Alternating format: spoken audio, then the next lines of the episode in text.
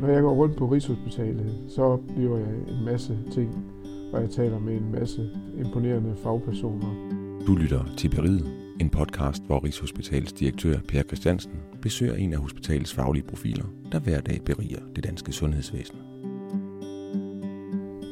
Det beriger mig, og derfor tror jeg også, at det kunne berige andre. I dag der har jeg en snak med øh, overlæge Emil Forsbøl, som øh, er en af de øh, få modtagere på Rigshospitalet af Eliteforsprisen 2021. Øh, Og øh, Emil, øh, noget af det, som, som jo er, er spændende, det er jo det forskningsområde, du har. Det handler om hjerteklapper. Det er jo en sygdom, som mange rammes af. Hvordan ser du perspektiverne sådan i, i fremtiden for patienter med hjerteklapproblemer? Uha, ja, altså det er jo det er en spændende gruppe, fordi der den måner egentlig over mange forskellige grupper af klapsygdomme. Men altså generelt set, så er klapsygdom nu et helt andet sted for bare 10-15 år siden. De sidste 12 år her på riget, men også på andre steder i, i landet og i udlandet, har man kunne lave øh, klapudskiftninger via lysken. Det vil sige i princippet så i stedet for at skulle have en åben hjerteoperation, hvor du er indlagt gennemsnit syv dage, kan vi nu indsætte en hjerteklap øh, i lokalbedøvelse via lysken og udskrive 80% af patienterne dagen efter. Det gør øh, bare et helt, et helt andet spektrum for patienterne. Det gør også, at vi kan behandle nogle andre patienter, som før ikke var behandlbare med, med store operationer. Så det, øh, det gør jo vores evne til at kunne ændre folks liv langt større. Øh, og det eksploderer lige nu, så mange øh, vi kan behandle. Øhm, der er også nogle grupper i klap øh, sygdomsgruppen, som jeg interesserer mig meget for. Det er dem med betændelse på hjerteklapperne. Der har feltet stået noget mere stille. Vi har været heldige og gode hos os til at kunne bidrage med rigtig god viden. Altså vi er nogle af de eneste i hele verden, der bidrager med randomiserede undersøgelser, øh, som jo sådan er det ypperste, man kan gøre inden for det her felt. Og det, øh, der er det som om, at der har vi kommet ind i en rigtig god stime og, og bliver ved med at udvikle der. Så øh, der flytter vi helt sikkert noget på sådan et, øh, et globalt plan inden for den gruppe af, klappatienter. Men the sky's the limit. Den udvikling, vi har set de sidste 10 år inden for især aortostenosen, det kan man nærmest applicere til alle de andre klapper i, i hjertet også. Og, øh, og der, der har vi slet ikke set det sidste de næste 10-15 år. Men dem, som har betændelse i en hjerteklap, ender de også med at skal have udskiftet en hjerteklap? Er det sådan et, et forløb, man ser typisk? Altså jeg, jeg plejer altid at skælde sådan lidt ud i pap og sige på den måde, hvis du har betændelse i en hjerteklap, så skal alle have en lang medicinsk behandling. Og så er det en mindre andel, som har brug for en klapoperation. Og det siger lidt sig selv, at hvis man har brug for en operation, så er man jo i den ende af skalaen, der har det dårligst. Og øh, det er cirka, i Danmark er det cirka 20 procent, der har brug for en hjerteklapoperation. Og øh, i andre lande, der har det tit været angivet til det halvdelen af patienterne, der har det. Altså halvdelen af dem, der har haft en uh, infektion. Der, ja. ja. Og det er jo, altså en hjerteoperation er jo en kæmpe ting, og det er i forvejen hos en, et individ, der er svækket og syg, inficeret. Så der, der, der, der skal man tænke sig grundigt om, hvem man, hvem man anbefaler at få lavet en operation. Du lytter til Beriget, en podcast om faglige fyrtårne på Rigshospitalet. Jeg tænker også, at det i virkeligheden er en, en af de vigtigste overvejelser i forbindelse med den udvikling, der er sket. Fordi når nu man kan operere klapper gennem lysken, så kan man i virkeligheden også operere nogle personer, som er ældre og mere svagelige. Og, og, og der tænker jeg jo også, at sådan ud fra en samfundsmæssig betragtning, så må der også være en eller anden kontrakt med de mennesker, man opererer, om at de så også øh, laver den genoptræning bagefter, som er væsentlig for, at de får et bedre liv. Det hjælper jo ikke, at I skifter en klap, og så lægger de sig på sofaen bagefter. Nej. Nej, det er rigtigt. Altså, man kan sige, øh, en, det, du, det jeg tror, du spørger ind til, det er også, vi kan en masse ting. Skal vi altid ja. en masse ting? Og det er rigtigt, at nogle af de patienter, vi, vi behandler med, med klapper igennem lysken, det er altså ældre og skrøbelige medborgere. Og det skal selvfølgelig have et samfundsmæssigt økonomisk perspektiv. Og jeg synes egentlig, at de patienter, vi får her, er virkelig gode til at tage deres efterforløb seriøst. Ja. Øhm, vi er i tvivl nogle gange, det skal man jo være, om, øh, om vi får nok ud af det på patientens vegne. Men, øh, men vi ser meget høj tilknytning til rehabilitering bagefter. Og, øh, og vi har også en symptomlindring, som er rigtig, rigtig fin hos patienterne. Men jeg tænker også, at det er ikke fordi, jeg egentlig går efter den der økonomiske vinkel på det, men det handler også lidt om øh, sådan etikken i det. Hvis, hvis man ikke øh, hjælper folk til at kunne noget mere, så er det måske øh, de forkerte, man, man behandler. Så udover at I teknisk skal være gode, så skal I sådan set også være gode til at snakke med folk og finde ud af, hvor de er i livet. Ja, og det, det, det vil jeg sige, det er det aller sjoveste i arbejdet, så til gengæld også det aller sværeste. Og det er den der balance med, at man selvfølgelig heller ikke skal være prædikerende. Altså, vi vil jo gerne hjælpe folk, ja. uden at skulle kræve, at de, de går ind på øh, dydens bane fuldkommen.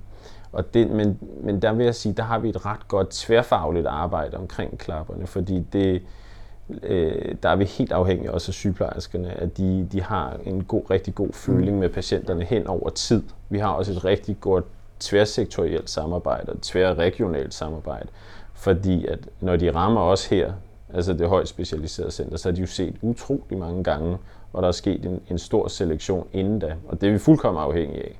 Fordi ellers så, så fungerer systemet ikke. Men, men sådan som forsker, så har du vel også en interesse i at, øh, at se, hvor langt man kan komme. Og nogle gange har man jo på fornemmelsen, at I, I, I også øh, måske presser lidt rigeligt på i forhold til nogle patienter, for ligesom at få afprøvet noget, som kan være til gavn for rigtig mange andre patienter. Så der er vel også en etisk overvejelse i, i den ja, del af det. der er en etisk nød der. Det synes jeg faktisk, når jeg møder det nogle gange, når man har, at, at man sidder med en patient, som er kød og blod, og man rigtig gerne vil kunne vejlede, hvad, hvad er det bedste her. Samtidig har du jo noget, som er udviklingsarbejdet, som har helt at gøre med en helt samme patient. Mm, mm. Og det, det synes jeg faktisk er svært nogle gange at have den der samtale om, jamen det her synes jeg er bedst for dig. Holder en lang pause, og så tager man et papir frem, hvor der står, men du kan også være en del af et udviklingsarbejde, som er rigtig godt for dem, der kommer bagefter dig. Jeg vil sige, når man, når man kommer på universitetshospitalerne, vi snakker jo meget om i vores grupper om, jamen, der skal vi også gøre patienterne klar over, at de har også en samfundsansvar, at de er en del af udviklingsarbejdet, der sker på Rigshospitalet. Det, det, det er man nødt til i hvert fald at forholde sig til. Og så er det vores opgave at informere grundigt nok om det. Men, men jeg står jo også øh, mange gange og siger, at alle patienter, der kommer ind på Rigshospitalet, de skal sådan set tilbyde sig at være en del af et forsknings- og udviklingsprojekt. Mm. Så det er egentlig mere, øh, at jeg tænker, at øh, det kan jeg jo sagtens stå og sige, det er jer, der står over for den person, som måske ja. ikke selv får så meget ud af at indgå i det forskningsprojekt, men de næste patienter får meget ud af det. Og der tænker jeg, at det, at det, det, det som du beskriver det der, ikke? Altså, det, det kan nogle gange være en, øh, en svær situation at stå i. Ja, der, men der synes jeg, det er en svær situation. Jeg synes også, at vi bruger hinanden ret godt der til, at man prøver at skille øh, opgaverne lidt fra hinanden. Øh, og især ved de lidt ældre og skrøbelige patienter, altså der har, der har, der har vi brug for at have en, nogle rigtig gode, lidt længere samtaler med patienterne om fordele og ulemper ved behandlingerne. Fordi at der kommer mange personer, som tænker kun på at få det bedre. Men det er bare så vigtigt, at man også tænker over, hvad, hvad er de risici, der er forbundet med det, vi gør. Og der er selvfølgelig et, øh, en gråzone over til forskningen, men, øh, men er vel egentlig også et argument for at gøre det, fordi at ellers så kommer vi aldrig til at vide præcis, hvad er betydningen for den næste, der kommer. Nej. Øhm, og der er der jo, der, der ligger også meget den måde, vi snakker om vores behandlinger på, og den måde, vi snakker med patienterne på. Og altså, min oplevelse er, at 9 ud af 10 patienter har fuldkommen sympati for udviklingsarbejdet. Ja. Og så er der nogen, der, der lukker ned og siger nej tak, og det skal de jo have, det skal de være så velkomne til.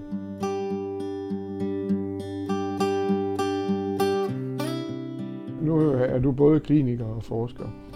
Dine øh, muligheder sådan for at, at, at, at forske og, og nå dertil, hvor du allerede er nået. Hvordan er de her på Rigshospitalet? Hvad er vilkårene mm. for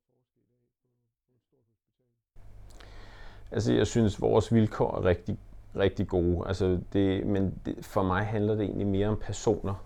Altså, selvfølgelig er der en infrastruktur, som man også nogle gange glemmer.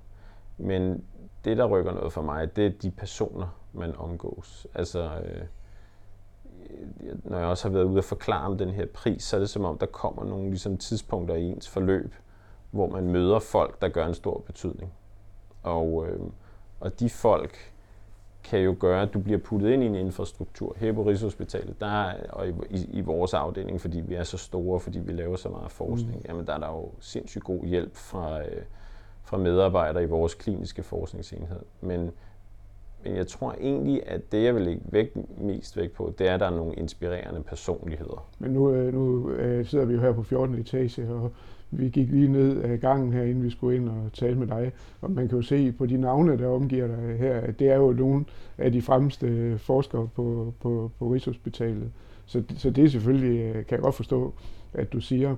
Noget af det, vi hører, det er jo, at, øh, at, øh, vi har svært ved at få understøttet forskningen. Der er lang tid med, det tager lang tid med forskellige godkendelser af, af, af projekter. Øh, er det også din oplevelse, eller er, det, er I så gode her, at I ved at hjælpe hinanden kan gøre det så, så klart, at, at I ikke sådan helt støder på det på samme måde, som man gør øh, i, i mindre enheder? Ja, altså ej, det, det støder vi jo hovedet ind i hele tiden. Men jeg vil sige, der er så nogen, der er vant til det, så man kan blive guidet igennem uden at rive sit hår fuldkommen ud. Øhm, der er noget byråkrati nogle gange, hvor man har meget svært ved at forstå, at det skal være sådan meget ærgerligt. Nu en stor del af min forskningskarriere har været øh, epidemiologi, og det er kun de sidste 3 til fem år, jeg egentlig er blevet engageret ordentligt i randomiserede undersøgelser. Og blandt andet, nu styrer jeg også selv randomiserede undersøgelser. Og det, det er bare et helt, et helt andet game. Mm. Altså, der er der simpelthen så mange godkendelser og, og øh, instanser og ting, man skal sørge for. Så det, det vil jeg sige, det er nærmest umuligt at gøre selv så er man godt nok dygtig, og så vil det tage rigtig lang tid. Så den infrastruktur, vi har her, det havde, været, det, det havde jeg ikke kunne være for uden, vil jeg sige. Der er en del byråkrati, og der er så til gengæld også øh, lyst til at hjælpe en med det. Men når vi kigger på, hvor hurtigt man har kunne få ting igennem videnskabsetisk komité og så videre under coronaen, hvis det var covid-forskning, det burde jo også være noget, vi kan arbejde videre med, så vi sikrer, at, at al forskning egentlig får øh, den, den betingelse. Fordi at, jeg tænker jo, at, at I, I skal jo være engageret i det øh, faglige indhold i forskningen, og så, så, så bør vi jo kunne stille den her øh, struktur til rådighed for jer, den administrative struktur, sådan at, øh, at det bliver nemmere for jer. Det er i hvert fald en dejlig tanke. Jeg vil sige, corona har rystet posen på mange fronter. Og det synes jeg et meget godt eksempel, jeg selv har, det er, at jeg har jeg har ansøgt om øh, MIBA-data, altså data om, øh, om bakterier i blodet. For mit vedkommende har det været interessant. Og det har jeg brugt tre år på, uden at kunne komme i mål. Jeg synes egentlig, jeg plejer at være rimelig god til sådan noget.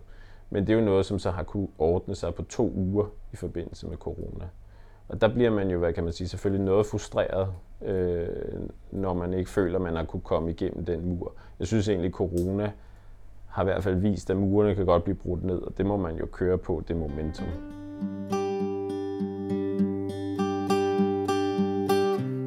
Hvis vi nu øh, lige vender tilbage til Eliteforskprisen, som jeg startede med, hvad betyder det for dig at få sådan et øh, klap på skulderen som den?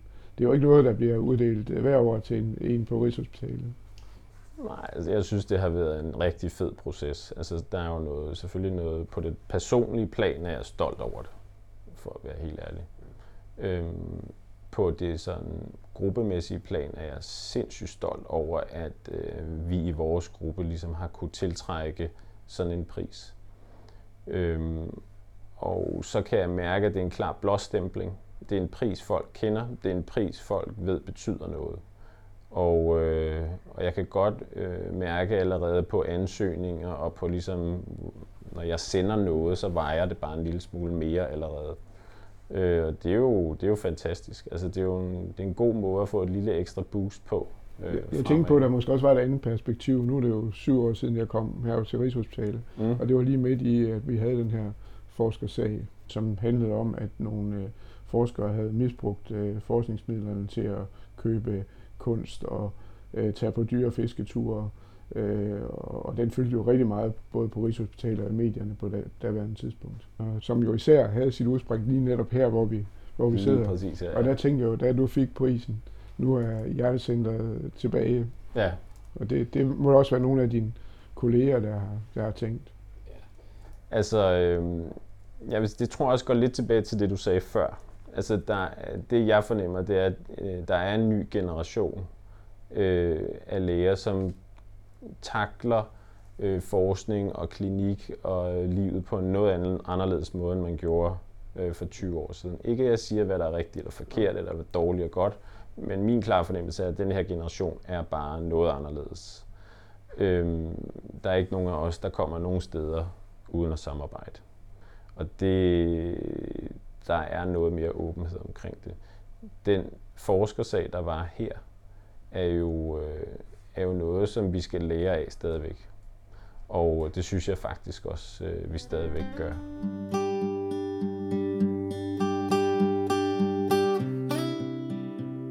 Når man nu er kliniker og forsker på det niveau, som du gør, øh, hvordan kombinerer man så det med sådan et almindeligt liv øh, øh, ved siden af hospitalet? Er det, er det hele dit liv, eller kan man godt få tid til andet øh, og, og bedrive så, så avanceret forskning og sådan en klinik, og så også have tid til øh, et familieliv? Nu kan man jo ikke se på bånd, at jeg sidder og smiler meget stort, men det, det, er, det er jo det, det hele handler om, vil jeg sige. Fordi hvis jeg, hvis jeg dedikerer mig 100% til forskningen og til klinikken, så har, jeg, så har jeg ikke min fantastiske familie, og så tror jeg, jeg vil blive ked af det. Mm. Øhm, og øh, det er en hårfin balance, og det er virkelig svært. Og jeg kan også godt mærke, at øh, man må også finde sine grænser og sige nej til, hvad man ikke kan, fordi man ikke gør tingene godt nok. Igen, fordi jeg er relativt ung, så har jeg, har jeg et kæmpe ønske om stadigvæk at være hos patienterne. Og det kan jeg slet ikke lade være med. Men det gør jo så også bare, at forskningen er noget, som jeg må gøre øh, på andre tidspunkter end der, hvor jeg er med patienterne. Og andre tidspunkter, det bliver lynhurtigt ind i ens fritid. Forskning er altså helt seriøst min, min hobby også. Og øh, selvfølgelig laver jeg andre ting, men, øh, men hvis du spørger mig, hvad jeg rigtig gerne vil lave lørdag eftermiddag, så vil jeg rigtig gerne være sammen med min familie, løbe en tur, læse en bog, men jeg kunne også godt tænke mig at sidde og forske.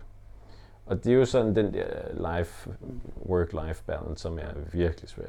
Men, øh, men hvis jeg, ikke, hvis jeg ikke prioriterer mit liv ved siden af hospitalet, så har jeg heller ikke noget liv på hospitalet. Ja, det, det kan jeg godt forstå, du siger, men jeg synes også, man møder bare på, på Rigshospitalet enormt meget engagement, øh, og, og dem, der forsker meget, de bruger jo en meget, meget stor del af deres øh, vågne tid på at, at være på arbejde på en eller anden niveau. Så, så der, der tænker jeg, det kan man måske bedre øh, øh, forene, hvis man er kommet lidt mere op i årene, end du er. Øh, det, det er vel især jer, der er lidt yngre, der, der har øh, udfordringen. Ja, fordi altså, det kan jo også være naivt, men jeg tænker jo oven i mit hoved, at jeg vil være hos patienterne, så længe jeg synes, det er sjovt. Jeg er også ret sikker på, at på et tidspunkt så bliver det hårdt. Øh, og øh, måske også det, hvor jeg siger, nu har jeg øh, gjort det 100% af min tid længe nok, og så kan man jo, så er jeg jo heldig på den måde, så kan jeg begynde at drosle ned til så at prioritere forskningstiden. Sådan har jeg tænkt oven i hovedet. Hvordan det kommer til at blive, det ved jeg ikke, om hvornår det bliver sådan. Men øh, det, det, det er ligesom det karrierespor, jeg har set for mig selv. Men der er vel også en anden balance i det, fordi man vil også godt se noget af den forskning appliceret på, på de patienter, man, man går i Jo, dag. og man får ikke de gode forskningsidéer, hvis man ikke er ude blandt patienterne, så det er virkelig svært. Det er det. Øh, det mest naturlige vil jo bare være at arbejde to gange 100 procent. Det går bare ikke. Det går bare ikke, nej. nej. nej.